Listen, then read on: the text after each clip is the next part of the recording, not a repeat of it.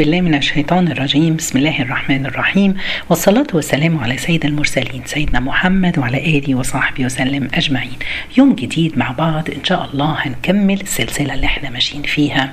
أسباب نزول بعض آيات القرآن. المرة اللي فاتت اتكلمنا على بعض الآيات اللي نزلت للرسول عليه الصلاة والسلام في بيوت الرسول في علاقة الرسول بأهل بيته.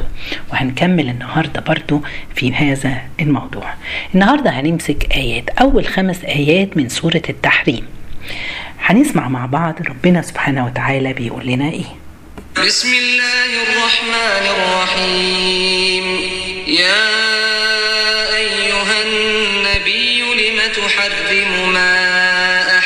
الله لك. تبتغي مرضات أزواجك. والله غفور رحيم. قد فرض الله لكم تحلة أيمانكم. والله مولاكم وهو العليم الحكيم. وإذ أسر النبي إلى بعض أزواجه حديثا فلما به وأظهره الله عليه عرف بعضه وأعرض عن بعض. فلما نبأها به قالت من أنبأك هذا؟ قال نبأني العليم الخبير. إن تتوبا إلى الله فقد صغت قلوبكما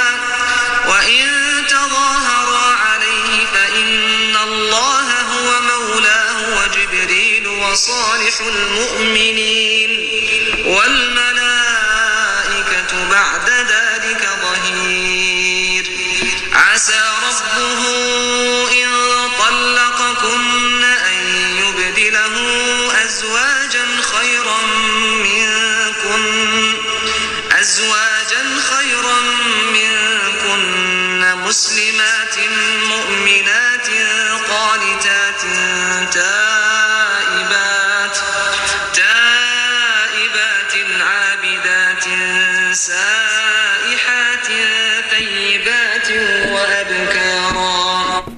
صدق الله العظيم. عاوزين نتكلم على دول الخمس آيات في بداية سورة التحريم. لما بنتكلم على أسباب النزول الآيات دي هنجد إن في اختلاف أهل العلم جاءت وروايات كثيرة في أسباب نزول هذه الآيات. لو قرأنا في كتب التفسير وكتب التراث هنجد إن روايات كتيرة منها فيها الغريب. حتى سبحان الله لما نقراها كده نقول حاشا لله أن يكون الرسول يعمل حاجة زي كده. بتلاقي أنت كنفس ال ال سبحان الله بالفطرة بتستغرب هذه الروايات. عشان كده الأفضل دايما إن إحنا ناخد ما اللي هو مروي في الصحيحين البخاري ومسلم. ليه؟ لأن هؤلاء الأئمة وضعوا شروط دقيقة جدا وصعبة عشان ياخدوا بيها روايات وده اللي جعلهم ينقحوا ويتأكدوا من الروايات اللي بتتقال.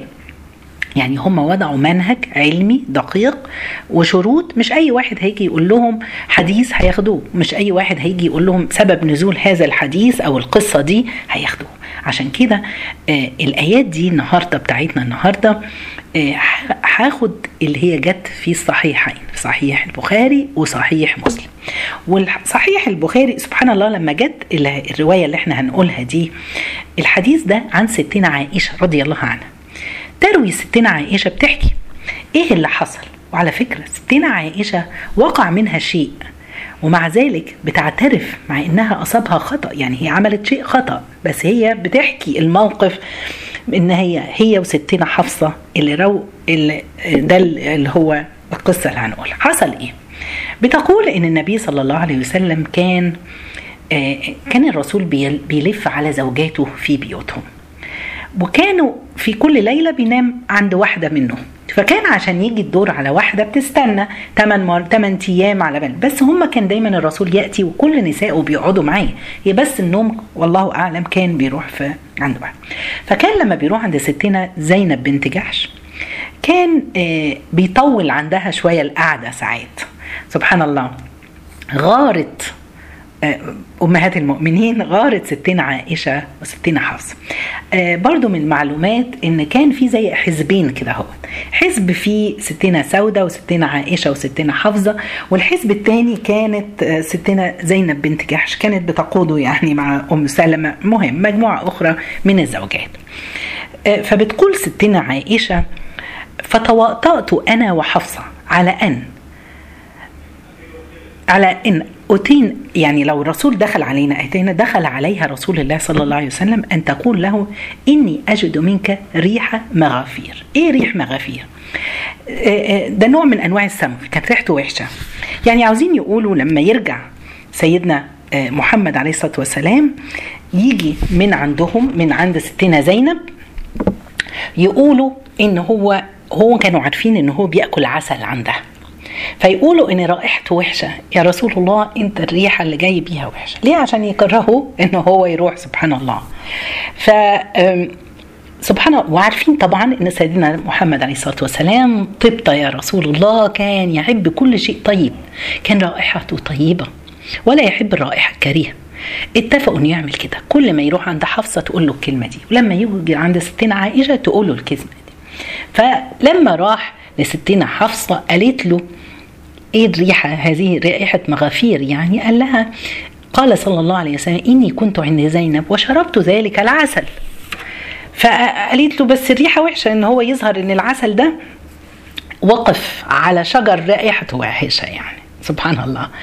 ف ف ستين فالرسول عليه الصلاة والسلام أقسم وقال لها لن أعود لشرب العسل ده مرة أخرى ولا تخبري بذلك أحد.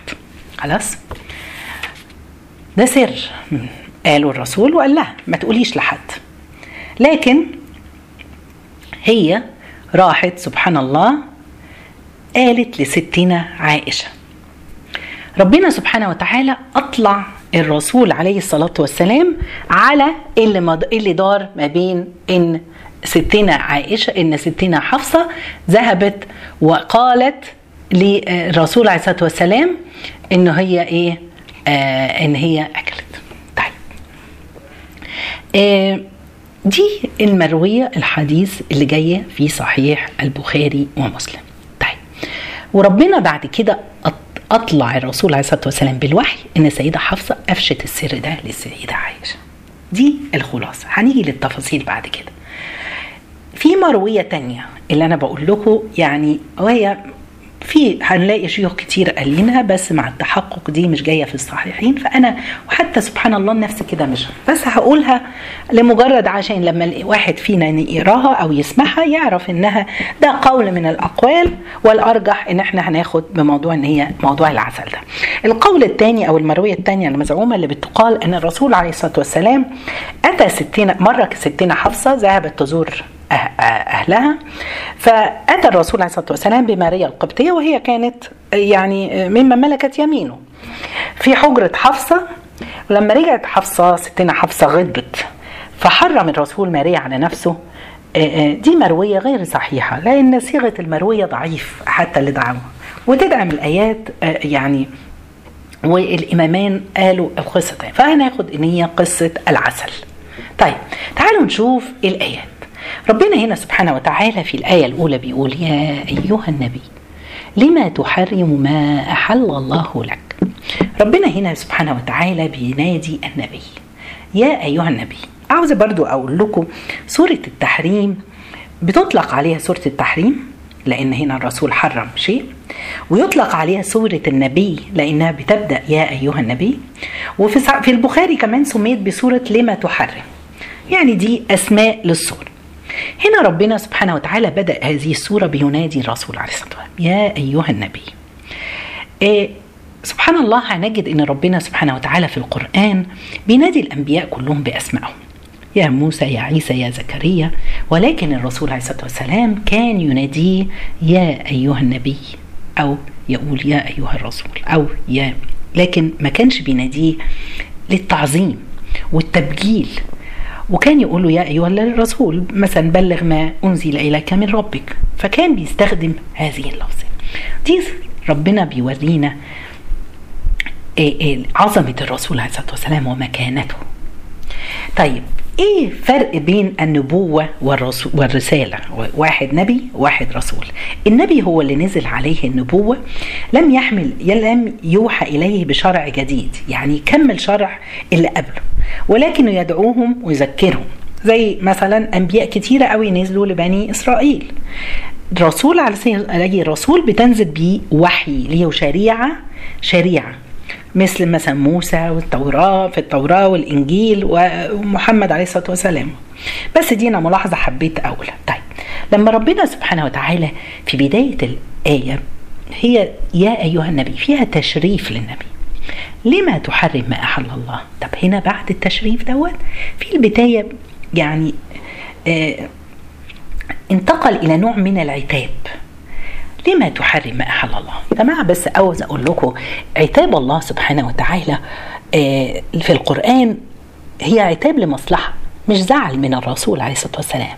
يعني عتابه يعني مثلا هقول لكم طبعا ولله ورسوله المثل الأعلى. الرسول يعني لو إحنا عندنا ابن وابني ده ما بيذاكرش فهعاتبه إن هو ما بيذاكرش. ليه؟ لأنه في تقصير. لكن لو عندي ابن بيذاكر كتير قوي قوي قوي وبيسهر وبيجتهد بزيادة عن اللزوم برضه هعاتبه. بس العتاب ده للمصلحة. هي كده بالظبط. هنا ربنا سبحانه وتعالى لما بيعاتب الرسول عليه الصلاة والسلام لمصلحته. لما تحرم ما أحل الله لك؟ طيب. آه انت يا رسول الله ده شيء بتحبه. ليه بتحرمه على نفسك؟ آه بعد كده ربنا بيقول له تبتغي مرضات مرضات أزواجك. يعني أنت عاوز بيعمل كده عشان أنت بترتغي مرضات أزواجك. ممكن نقف هنا برضو وقفة يا جماعة. إن ربنا سبحانه وتعالى بيقول للرسول عليه الصلاة والسلام أنت بتحب عشان ترضي زوجاتك. ده ما فيهاش حاجة ودي حاجة نتعلمها إحنا. لازم يبقى في نرضي أزواجنا وهم يرضونا. الرسول عليه الصلاة والسلام بعظمته وقدره كان بيعمل حاجات عشان يرضي عشان ما يزعلش أزواجه. يبقى هو كان بيراعيهم. يعني انت هتحرم على نفسك حاجة بتحبها العسل عشان ترضيهم. طيب آه يعني بعد كده هو ربنا بيقول والله غفور رحيم. الله غفور الله قرن يعني إن هو غفور بالرحيم. ليه؟ لأنه مش بس الله سبحانه وتعالى بيغفر الذنب ولكنه يرحم المذنب فيبدل سيئاته حسنات ويقبل منه أحسن الاعمال تعالوا نشوف جمال الآية.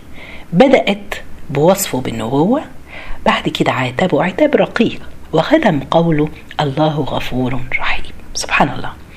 هنا الآية دي جاءت للأمة كلها على فكرة مش بس الرسول. إن فرض الله لكم تحلة أيمانكم الآية اللي بعدها. ربنا بيقول قد فرض الله لكم تحلة أيمانكم. إيه تحلة أيمانكم؟ يعني هنا الرسول أقسم إن هو هيحرم على نفسه إزاي العسل.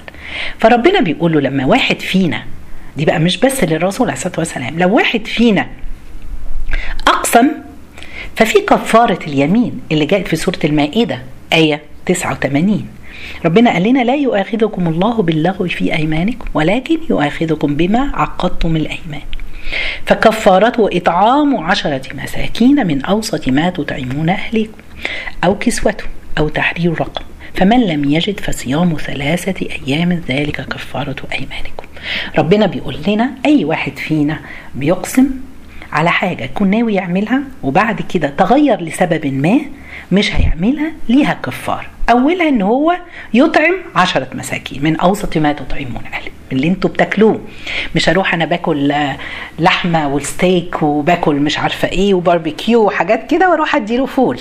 لا إحنا من أوسط ما تطعمون أهلكم. وحاجه التانية أو بعد أو كسوتهم.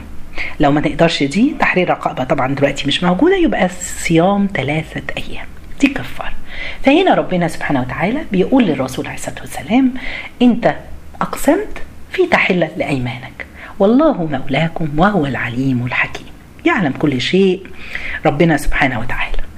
بعد كده ربنا سبحانه وتعالى في الآية 3 بيقول لنا بيحكي لنا القصة إيه اللي حصل. وإذ أسر النبي إلى بعض أزواجه حديثا.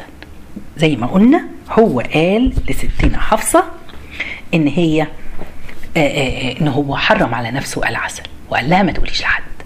فلما نبأت به راحت قالت لستنا عائشة وأظهره الله عليه ربنا عرف الرسول عليه الصلاة والسلام إن ستنا.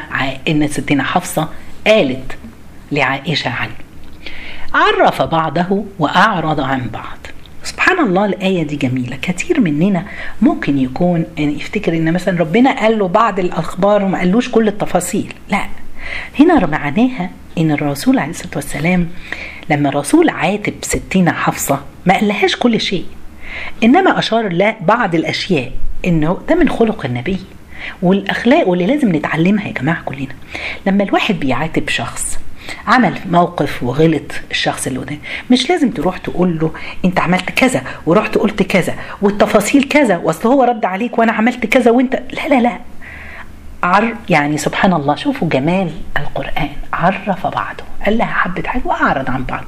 زي ما إحنا بنقول طنش أو اللي إحنا دايما بنقولها كمان اللي هو تغافل. التغافل ده يا جماعة من شيم الكرام. مش أي واحد يعرف يتغافل. يعني إيه؟ وأنا بكلم حد تغافل. مش لازم اللي هي واقفين واحدة بالواحدة.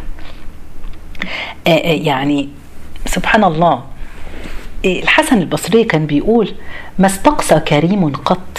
الشخص الكريم مين اللي كلمك ومين اللي قال لك ومين اللي قالك؟ ما تستقصيش بلاش التفاصيل مش لازم.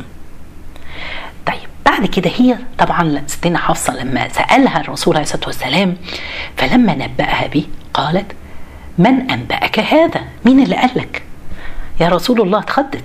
قال نبأني العليم الخبير. الله سبحانه وتعالى يعلم كل شيء.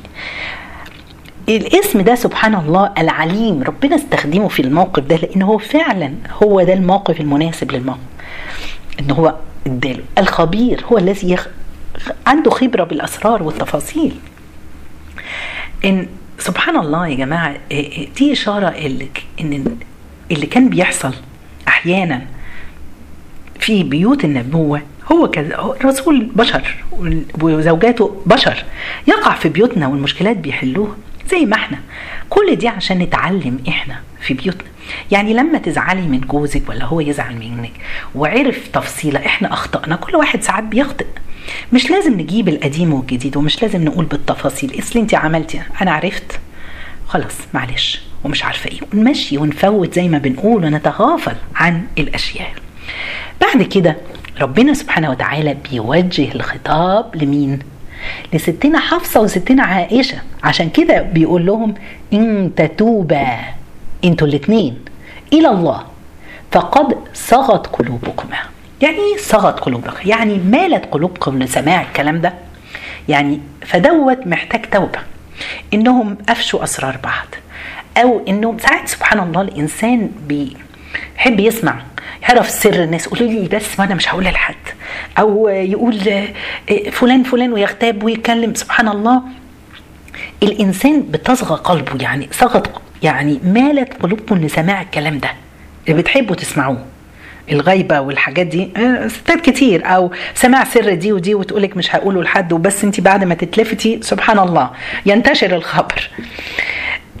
فأنتوا عملتوا شيء محتاجين محتاج التوبة. شوف ربنا بيقول إن تتوبا إلى الله. فقد صغت قلوبكم. خلاص؟ اللي عملتوه قلوبكم اللي مالت ليه ده محتاج توبة وإن تظاهرا عليه. إن تظاهر عليه. يعني إيه؟ لو هتصروا على إن أنتوا تعملوا كده ويتكرر الفعل ده في حق الرسول شوفوا بقى ربنا بيقول لهم إيه؟ بيحذروا. ف وإن وإن تظاهر عليه فإن الله هو مولاه. ربنا هو اللي هيتولى الرسول عليه الصلاة والسلام. وكافيه وحافظه ومتولي أمر. بيفكرهم وجبريل الرسول الملكي اللي يأتي بالوحي من الله. كمان يبقى إيه؟ يتو... يبقى ربنا هيتولى. وجبريل. وصالح الم... وصالح المؤمنين. صالح المؤمنين. مين بقى صالح المؤمنين؟ اللي يريد ربنا يقول كل المؤمنين الصالحين أولياءه. للرسول. وقد قيل برضو قول تاني إن صالح المؤمنين أصلحهم هو أبو بكر لأن كان سيدنا أبو بكر بيوبخ بنته عائشة ويعاتبها لما اتخاصمت مع الرسول عليه الصلاة والسلام. و وبرضه سيدنا عمر من بعض العلماء يقول هو دول برضه من صالح المؤمنين لأن هو كان يدخل على النبي ويوبخ حفصة وخدمه خدم يعني الرسول. وأنا خلوني في الآخر هقول لكم على الموقف ده في شيء. آه بعد كده والآية اللي بعد كده مين؟ جبريل وصالح المؤمنين والملائكة بعد ذلك ظاهرين. والملائكة سبحان الله كلهم اللي في السماء هيقفوا مع رسول الله. مش بس جبريل فالله يقول لهم إن أهل الأرض وأهل السماء مع النبي. ده تحفيز لأمهات المؤمنين إن يكونوا مع الرسول ويبقوا أوفياء مع الرسول. ثم يقول الله تعالى استمرارا في العتاب. بصوا بقى سبحان الله ربنا بيخوفهم. أنا هبقى وليه وجبريل وصالح المؤمنين والملائكة أهل السماء والأرض وخلوا بالكم. عسى ربه إن طلقكن أن يبدله ازواجا خيرا منكن خلوا بالكم عسى ربه لو طلقكم غضب منكم الرسول وطلقكم هيبدلوا أزواج خيرا منكم. وربنا بيوصف هؤلاء الزوجات ال- سبحان الله ليه؟ لأن الرسول هجر أمهات المؤمنين شهر كامل. تم 29 يوم. سبحان الله إيه اللي حصل؟ حاج... برضو الحتة دي أنا هرجع لها بس بعد ما أكمل تفسير الآية هنا هوت آه، ربنا بيخوفهم قال لهم هتخسروا هتخسروا كتير هتخسروا شرف إنكم أمهات المؤمنات. مؤمنين شرف إنكم تكونوا زوجات النبي شرف إنكم تحشروا معه يوم القيامة. فالله بيخاطب كل أمهات المؤمنين. في بعض التفسير يقول لك انه بيخاطب الزوجتين اللي هم عملوا بس والله أعلم أمهات المؤمنين كنت. ربنا بيقول له هيبدلهم خيرا منه يبدلهم ازواجا خيرا منكن. خيرا هنا بيقول لك يعني أنتوا خير. رب هم ربنا هنا أثبت الخيره لأمهات المؤمنين. آه وطبعا عشان كده لازم نحب أمهات المؤمنين. بعد كده ربنا بيقول له هبدلهم بمين؟ لا أنا هبدلهم بزوجات مسلمات مؤمنات. هل في فرق بين الإسلام والإيمان؟ آه. إسلام درجة والإيمان درجة أعلى. لما يعني سبحان الله الواحد زي في بعض المفسرين قال لك المسلمات تدل على عمل الظاهر. ان انت مسلم مؤمن المؤمن عمل القلب. دي درجة أعلى. قانتات زيادة في العبادة. يقنطوا لله. البعض بيقولوا القنوت هو قيام الليل اللي هو القلب موصول بالله بالحب والخضوع لله. قانتات تائبات. توبة هنا تأكيد عليهم بوجوب التوبة اللي دخلوا في القصة دي. عابدات عابدات ربنا. بيقول لك عابدات عابدات كل ألوان العبودية. سائحات يعني إيه سائحات؟ يقول لك إنهم كثير الصوم وقيل إنهم المهاجرات من النساء. ثيبات وابكارا ثيبات اللي هي كانوا متزوجين قبل كده والبكر اللي هي لم تتزوج. سبحان الله لو بصينا هنلاقي كل الصفات مسلمات مؤمنات قانتات تائبات عابدات سائحات ثيبات وابكارا اشمعنى جاب سيبات وابكارا لأن كل الصفات اللي قبل كده دي ممكن تيجي في شخص واحد. لكن في النهاية لا إما هي سيب لا إما هي بكر. يعني تزوجت قبل كده أو لم تتزوج قبل كده. الآية دي آه سبحان الله من الآيات العظيمة. آه تعالوا نشوف يا جماعة في بعض الرواية بتقول إن ربنا الرسول عليه الصلاة والسلام اعتزل زوجاته شهر كامل. إيه الروايات يا جماعة لقيتها جت في الموقف دي الحدث دوت اللي هو بتاع إن هم العسل والحرموا الرسول حرم على نفسه دي وفاكرين الأسبوع اللي قبل اللي فات اتكلمنا على الحدث الثاني اللي هو كانت ستنا حفصة ستنا عائشة لما وامهات المؤمنين كلهم اجتمعوا على الرسول وطلبوا طلبوا الزيادة في المصروف أو في فاعتزلهم الرسول عليه في قولين. إن القصة اللي أنا هحكيها دلوقتي دي إن هو اعتزلهم الرسول شهر بتقال في هذا الموقف وفي ده في صحيح البخاري وفي صحيح مسلم بيقال إن لما هم طلبوا منه الزيادة في دي كانت نزلت فيها آه، زيادة طلبوا النفقة زيادة النفقة دي اللي اعتزلهم فيه الرسول.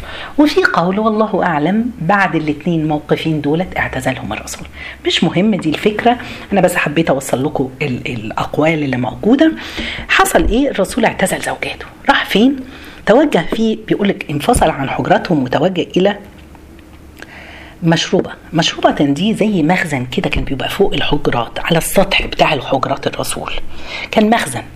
فوجئ الصحابة إن هو الرسول بعد ما بيخلص الصلاة وخلص ما بيروحش على حجراته اعتزل النساء. ابتدى الصحابة ابتدى يتكلموا وافتكروا إن الرسول عليه الصلاة والسلام طلق أمهاته. حزن الصحابة وأثرت إن بيت النمو إن الرسول حزين إن الصحابة سبحان الله آه، يعني بقوا حزنانين لحزن الرسول عليه الصلاة والسلام. وابتدت يقولوا نطلق نساء مين طبعا اللي كان هيتجنن على الموضوع ده؟ سيدنا عمر بن الخطاب. آه، دخل على حفصة وسألها أنتوا عملتوا الرسول هطلقكم قالت له معرفش ويعني حتى بيقال إنه دخل على ستنا راح لعائشة ويعني لمها. والمهم سبحان الله هو لم بنته ده الاهم آه، ذهب عمر بن الخطاب وطلع آه، لل مشروبة دي عشان يعني وكان في غلام قاعد على الباب. سبحان الله يا ستارة أوضة كده يعني فسيدنا عمر طلع قال للغلام استأذن لي رسول الله. فهذا الغلام بص جوه كده عمر يستأذن الرسول ما ردش فقال له لم يؤذن لك. خرج وبعدين رجع تاني مش قادر. هيجنن إزاي يعني بنته وأمهات المؤمنين هيطلقهم رسول الله؟ فرجع تاني استأذن لم يؤذن له. بعد كده هو دخل عمر والمهم على صوته والله قال ما جئت لأ- لأكلمه عن حفصة. لو أمرني أن أضرب عنقها لضربت. عنقها. فسمع الرسول عليه الصلاة والسلام كلام هو طبعا بيعلي صوته عشان الرسول يسمعه فأذن له بالدخول. دخل سيدنا عمر وجده نايم على حصير وجهه حزين. قال يا رسول الله دخلت على زوجتي. قاعد عاوز يفرحه يعني على زوجتي لقيتها تقول لي افعل كذا ولا تفعل كذا فغضبت منها. عاوز إيه؟ يعني يسري على الرسول عليه الصلاة والسلام. فتبسم الرسول عليه الصلاة والسلام ففرح عمر فقال يا رسول الله